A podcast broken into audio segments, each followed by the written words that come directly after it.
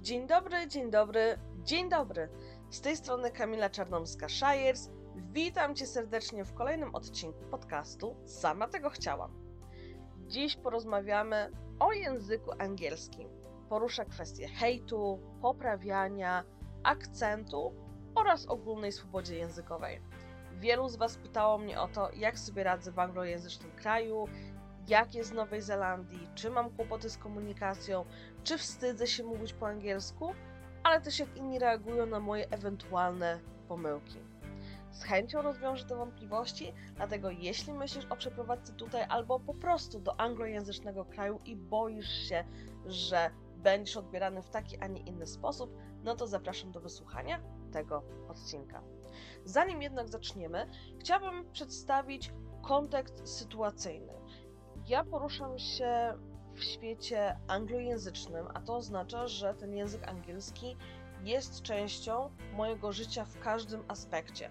Czyli nie jest to tylko i wyłącznie taki język towarzyski, to nie jest tylko kwestia dogadania się i zamówienia czegoś w restauracji, ale to są również kwestie formalne, to jest również biznes, bo tutaj prowadzę swoje projekty, to są również kwestie związane z jakąś administracją, wypełnianiem druczków itd., tak itd. Tak Także ten angielski faktycznie jest obecny w moim życiu codziennie. I chciałabym o tym opowiedzieć, ponieważ czasami widzę, że niektórzy wypowiadają się na temat języka angielskiego w kontekście właśnie takich działań towarzyskich. Ja opowiem o takim codziennym życiu i jak to wygląda ze strony zarówno bardzo mi bliskich osób, jak również urzędników, e, osób, z którymi dziś współpracuję biznesowo, moich potencjalnych partnerów biznesowych, klientów, więc też chciałabym, żeby to wybrzmiało, żeby pokazać taki, taki całościowy obraz sytuacji. Na pewno zacznę od e, no, mojego życia prywatnego. To jest, to jest coś, co oczywiście mnie najczęściej, najczęściej dotyczy ponieważ e, ja jestem żoną Kanadyjczyka, więc w naszym domu rozmawiamy głównie po angielsku. Zawsze się śmieję, że jeśli umiem pokłócić się w danym języku, to znaczy, że go znam. Dla mnie jest to taki powiedzmy wyznacznik też e, swobody w języku angielskim, bo jeśli komunikacja związana z silnymi emocjami jest dla mnie łatwa i potrafię wyrazić, wyeksponować i jakoś podkreślić swoje emocje, zwłaszcza w tym takim powiedzmy szale, czy wtedy, kiedy nie myślę o y, gramatyce, czy, czy o tym, jak powinno dane zdanie wybrzmiewać, to uważam, że ten angielski czy, dany język już po prostu we mnie gdzieś tam siedzi, potrafię myśleć, potrafię wyciągać wnioski w języku angielskim i potrafię wyrazić swoje nawet najsilniejsze emocje. Z Seanem nie mam żadnych problemów komunikacyjnych, również e, w takich sytuacjach stresowych, kiedy muszę się gdzieś tam pokłócić, albo kiedy e, chcę inaczej wyeksponować swoje, e, swoje myśli. Nie ma tutaj żadnych takich szumów komunikacyjnych, nie zdarza mi się jakieś duże nieporozumienie, nie zdarza się, że powiem jakąś jedną rzecz, a on zrozumie to inaczej, chyba że jest tu jakiś kontekst typowo kulturowy, którego ja po prostu nie znam, bo w jakiś sposób wynika z mm, na przykład miejsca, w którym się wychował, albo wynika z jakiegoś zapożyczenia językowego, to faktycznie czasami mam w głowie takie, takie myślenie, że chyba się nie rozumiemy, że, że, nie wiem, co on ma po prostu na myśli, ale y, to są takie przypadki, powiedziałabym, bardzo skrajne i, i takie, y, które pojawiają się raz y, na jakiś czas. Raczej nie zdarza nam się mm, pokłócić w kontekście braku zrozumienia, tak? Czyli, tak jak powiedziałam, ja mam na myśli coś innego, on zrozumiał jakoś to opatrznie i, i, przez, to, i przez to jest jakiś konflikt, albo on wykonał jakieś zadanie niepoprawnie, albo poprosił mnie o coś i ja nie zrozumiałam tego w odpowiedni sposób nie zrobiłam tego. Takich szumów nie ma. Natomiast moim zdaniem wynika to również z tego, że angielski jest pierwszym językiem Shona. Ja byłam też kiedyś w relacji romantycznej z Włochem i dla niego język angielski, tak jak dla mnie, był drugim językiem. I tu muszę powiedzieć, że faktycznie tych nieporozumień było znacznie, znacznie więcej kiedy jestem z Kanadyjczykiem, dla którego język angielski to jest język ojczysty, mogę powiedzieć śmiało, że tych problemów nie ma. On dużo się domyśla, ale też myślę, że dużo bardzo fajnie interpretuje. Daje też ogromny taki margines na to, żebym mogła czasami pozbierać swoje myśli albo żebym mogła się nad czymś zastanowić, więc nie ma czegoś takiego, że, że tu czuję się w jakikolwiek sposób niezrozumiana albo że to rzutuje na naszą relację. Jeśli chodzi o budowanie innych relacji, nieromantycznych, z moimi przyjaciółmi, to tu jest jazda absolutnie bez trzymanki. I chciałabym to bardzo mocno podkreślić, dlatego że Nowa Zelandia to jest kraj imigrantów. I tutaj macie absolutnie każdego. Każdego pod kątem y, narodowości, pod kątem wyznań, pod kątem światopoglądu. Ludzie z całego świata, mówią po angielsku tak, jak chcą tak jak chcą. Ja mam przyjaciół z Europy, wszystkich zakątków Azji, Stanów Zjednoczonych, wysp. To jest bardzo dużo osób, które prowadzają się z wysp Tonga, Samoa, z Fidżi. Mam mnóstwo przyjaciół z Australii, z Indii. No, ogromna różnorodność językowa i kulturowa. Każda z tych osób ma swój język angielski. A to oznacza, że ma swoje wtrącenia, powiedzonka, idiomy, akcenty, inaczej formułują czasami zdania. Niektórzy skracają bardzo mocno. Nowozelandczycy strasznie skracają wszelkiego rodzaju słowa, wyrażenia, zdań. Tak jakby się ciągle gdzieś śpieszyli. Czasami nawet Sean musi się wsłuchać w to, co mówi druga osoba, bo ten akcent bywa no naprawdę różny. Naprawdę różny. I tu od razu mm, nasuwa mi się y, takie tak, takie pytanie, które ostatnio dostałam, jak ja się czuję ze swoim akcentem. Ja się czuję bardzo dobrze, bo absolutnie nie czuję się tutaj wyobcowana, że wszyscy mówią w jakimś jednym określonym akcencie. Przyjechałam ja i, i teraz jakoś bardzo mocno się wyróżniam, bo mówię w taki, a nie inny sposób. Nie, nie czuję, nie czuję absolutnie się mm, tutaj wyróżniona, nie czuję się jakoś tak szczególnie zauważana, jeśli, jeśli chodzi o mój akcent. Raczej, raczej jestem jedną z wielu imigrantek, które posługują się swoim językiem angielskim. Jak na niego, jak na niego inni reagują? Tak jak ja reaguję również na ciekawe dla mnie akcenty. Śmiechem, żartem, ale takim takim uprzejmym żartem. Czyli to na pewno nie jest żadna szydera, to na pewno nie jest y, y, żadne uwłaczanie, to na pewno nie jest y, sprawianie takie intencjonalne, żeby ktoś czuł się gorszy. Zawsze to jest serdeczność, uśmiech, żart, takie rozładowanie sytuacji. Ja bardzo często proszę o powtórzenie i po prostu mówię, że przepraszam, totalnie nie zrozumiałam, co masz na myśli, czym możesz to y, powtórzyć, czy możesz mi troszeczkę inaczej wytłumaczyć i też się totalnie tego nie boję.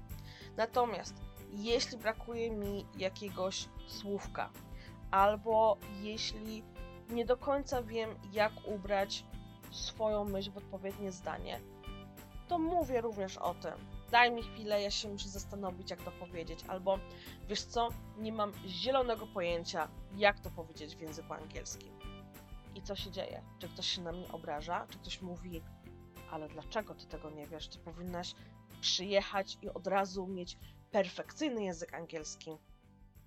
Nie, absolutnie. Każdy daje mi czas, każdy mówi, dobra, spokojnie, może użyjemy translatora, jeśli tego potrzebujesz, albo to opisz mi naokoło, o co ci chodzi, to jakoś do tego wspólnie dojdziemy. Jakby jest takie duże zaangażowanie w to, żeby mnie zrozumieć i widzę to i czuję takie realne wsparcie. I, i czuję to, że, że każdy mówi poczekaj, spokojnie, osadź się w tym językiem, zwłaszcza na początku tak było, bo teraz to już jest zupełnie inaczej.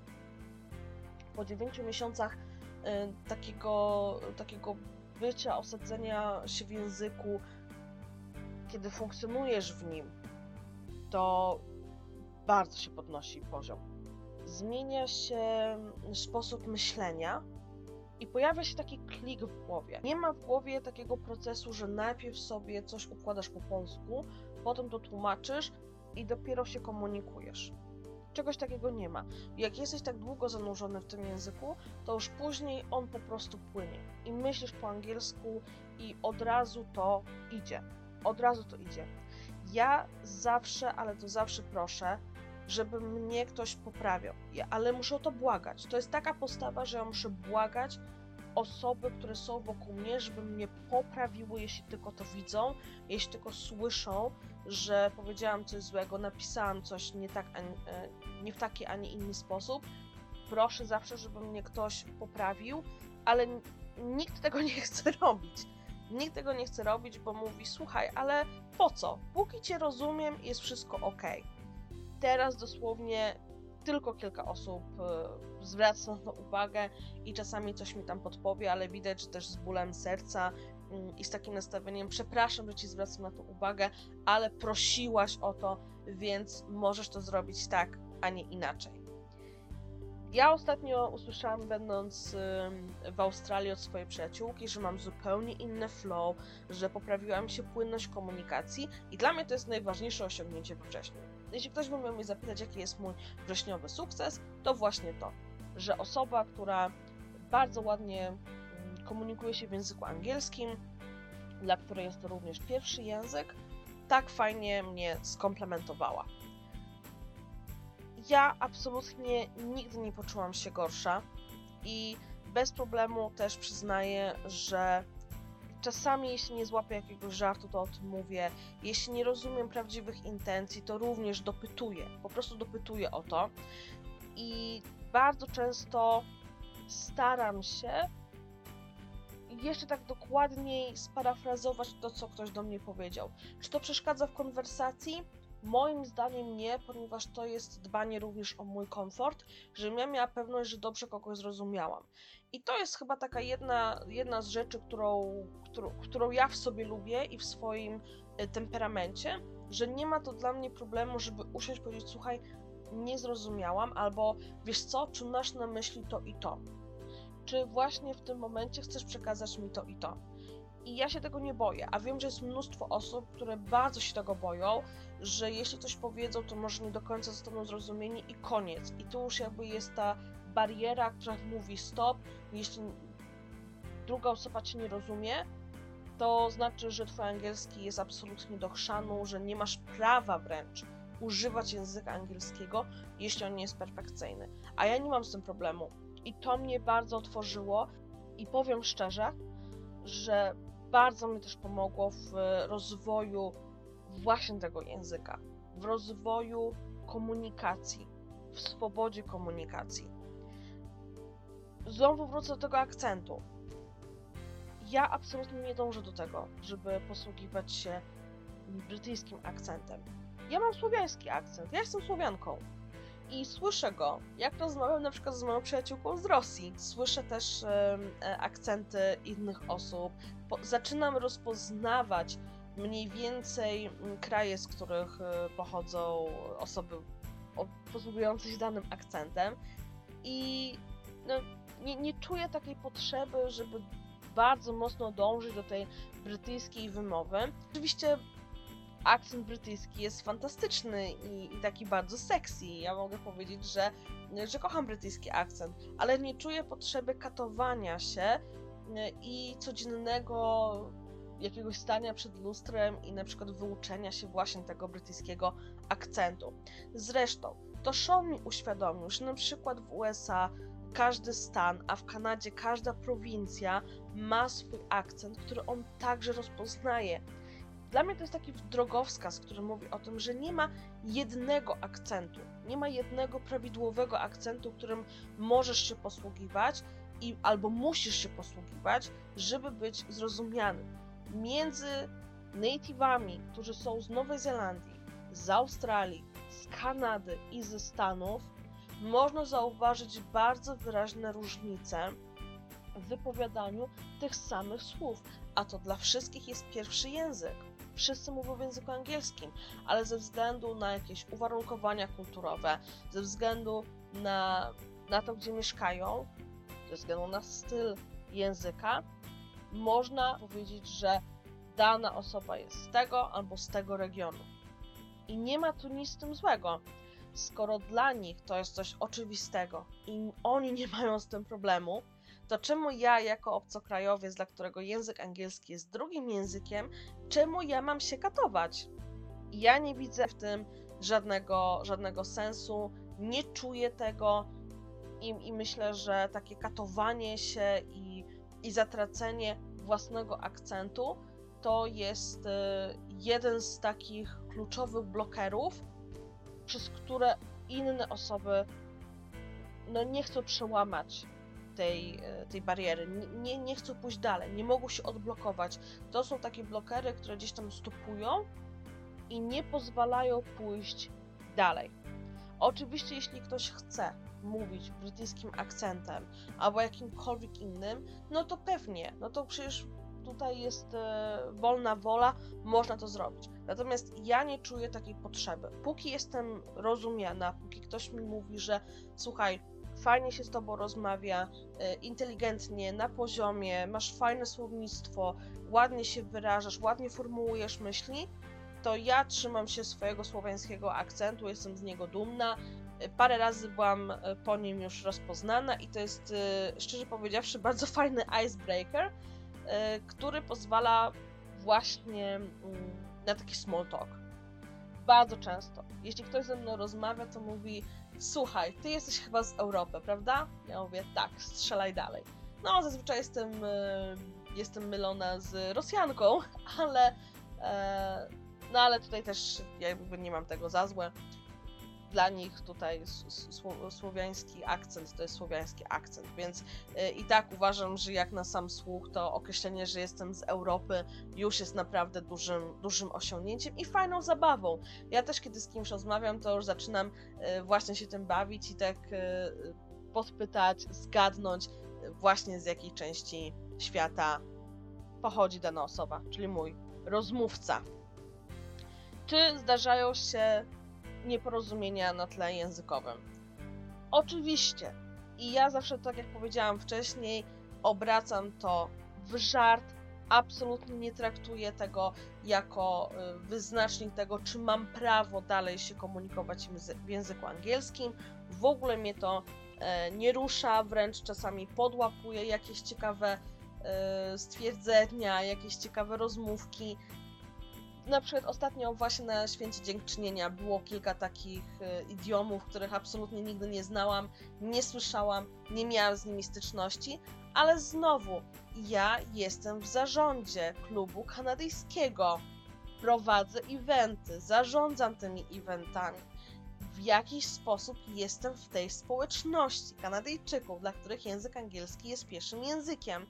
Czy ktoś mi kiedykolwiek powiedział, że nie mam prawa się komunikować w taki, a nie inny sposób?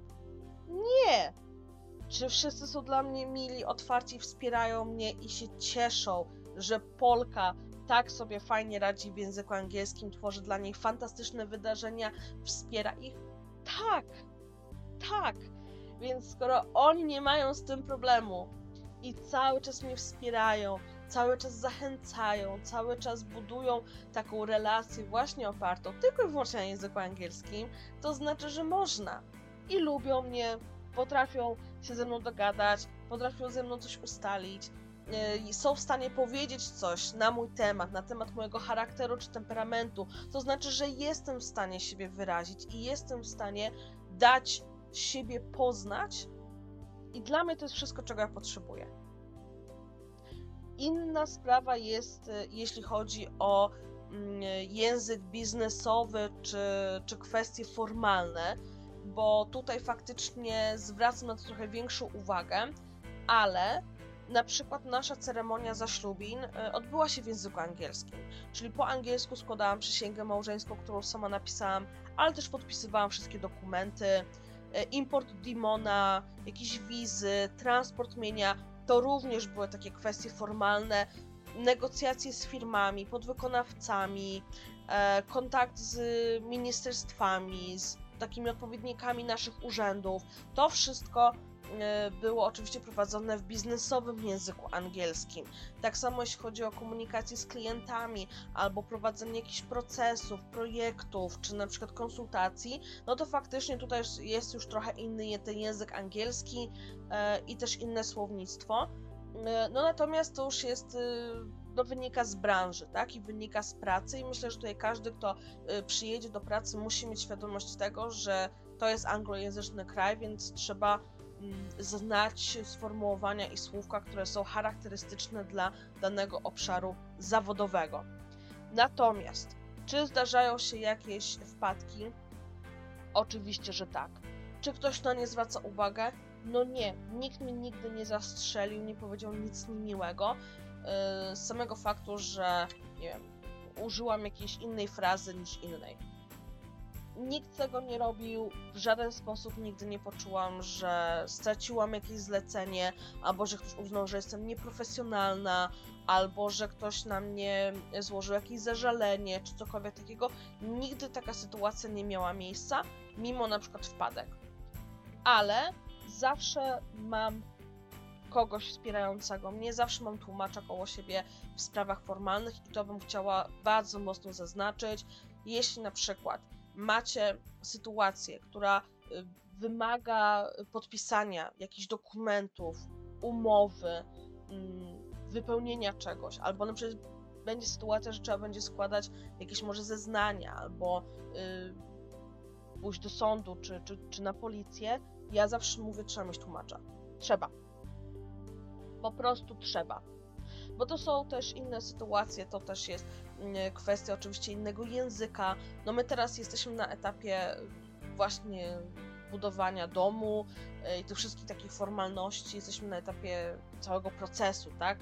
Tworzenia tego, tego swojego nowego domu, miejsca na ziemi.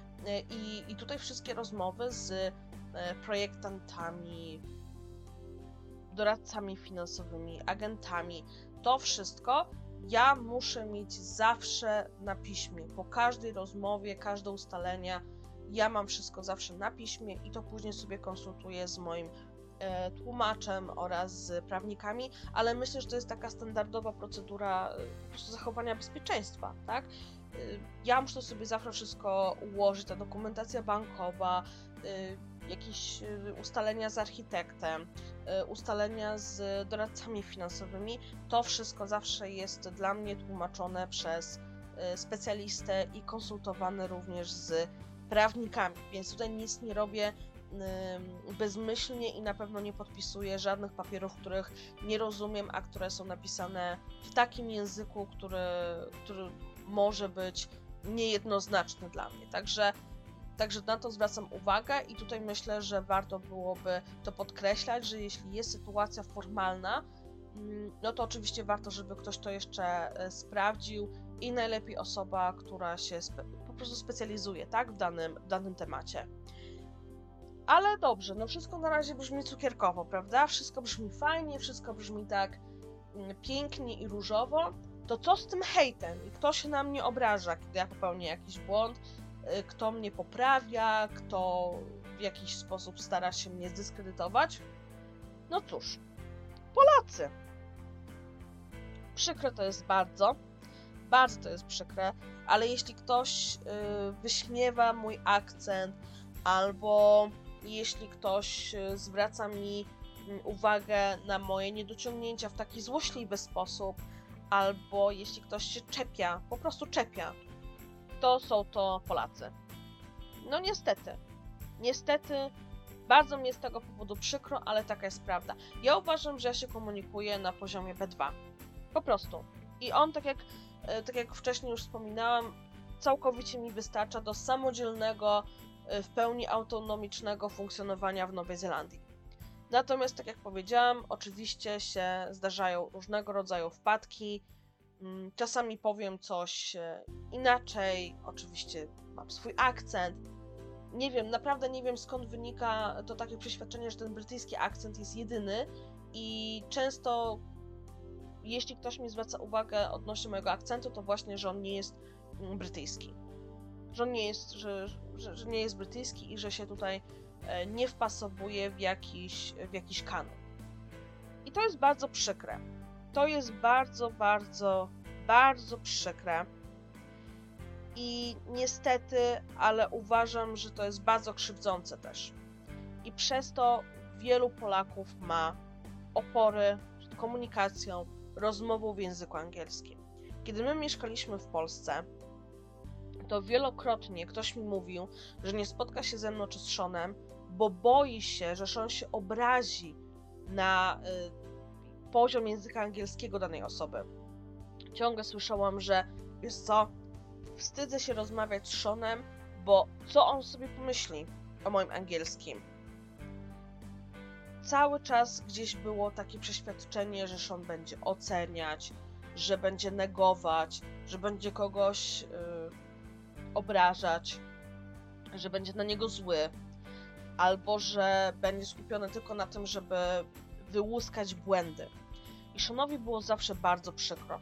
On nigdy nie mógł zrozumieć, dlaczego ludzie na przykład nie chcą się z nim spotykać, albo dlaczego nie czują się komfortowo w jego towarzystwie, dlaczego dużo osób bardzo się stresuje, bo to było widać, że rozmawia ktoś ze mną po polsku i super, ma przejść na angielski i nagle stres, nagle zapomina języka w gębie, nie wie jak się wysłowić i to jest tylko i wyłącznie kwestia tego stresu, tych blokad, tego właśnie, że ma przed sobą native'a.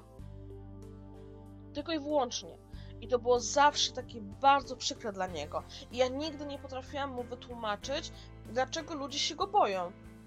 Gdzie mój Sean to jest naprawdę taka osoba bardzo sympatyczna. No taki człowiek z sercem na dłoni energię ma przepiękną i zawsze starał się otworzyć tych ludzi, powiedzieć nie przejmuj się. On zawsze też komplementuje język angielski, jeśli tylko może kogoś, ale też stara się domyślać, stara się naprowadzać, daje dużo cierpliwości, nie przerywa, nie wykazuje zniecierpliwienia, żadnych oznak, które mogłyby zestresować rozmówcę. Nic.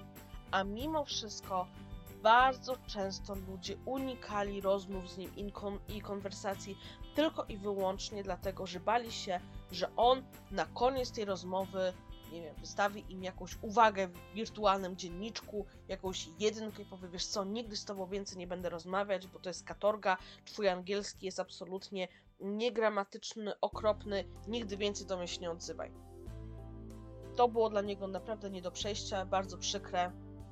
Wielokrotnie wspominał mi o tym, że on tego po prostu nie rozumie, że nigdzie na świecie nie miał takich problemów jak w Polsce, żeby się właśnie e, skomunikować w kontekście swobody językowej, żeby po prostu czerpać radość, bo oczywiście porozmawiać czy tam uzyskać jakieś informacje mógł, ale żeby czerpać taką, taką radość ze swobody języka e, i z tego, żeby po prostu fajnie z kimś porozmawiać, to mówi, że to jest niezwykle rzadko i to raczej są osoby, które e, czują się dobrze i mają jakieś certyfikaty językowe albo pracują w korporacjach, gdzie dla nich język angielski jest oczywiście językiem urzędowym.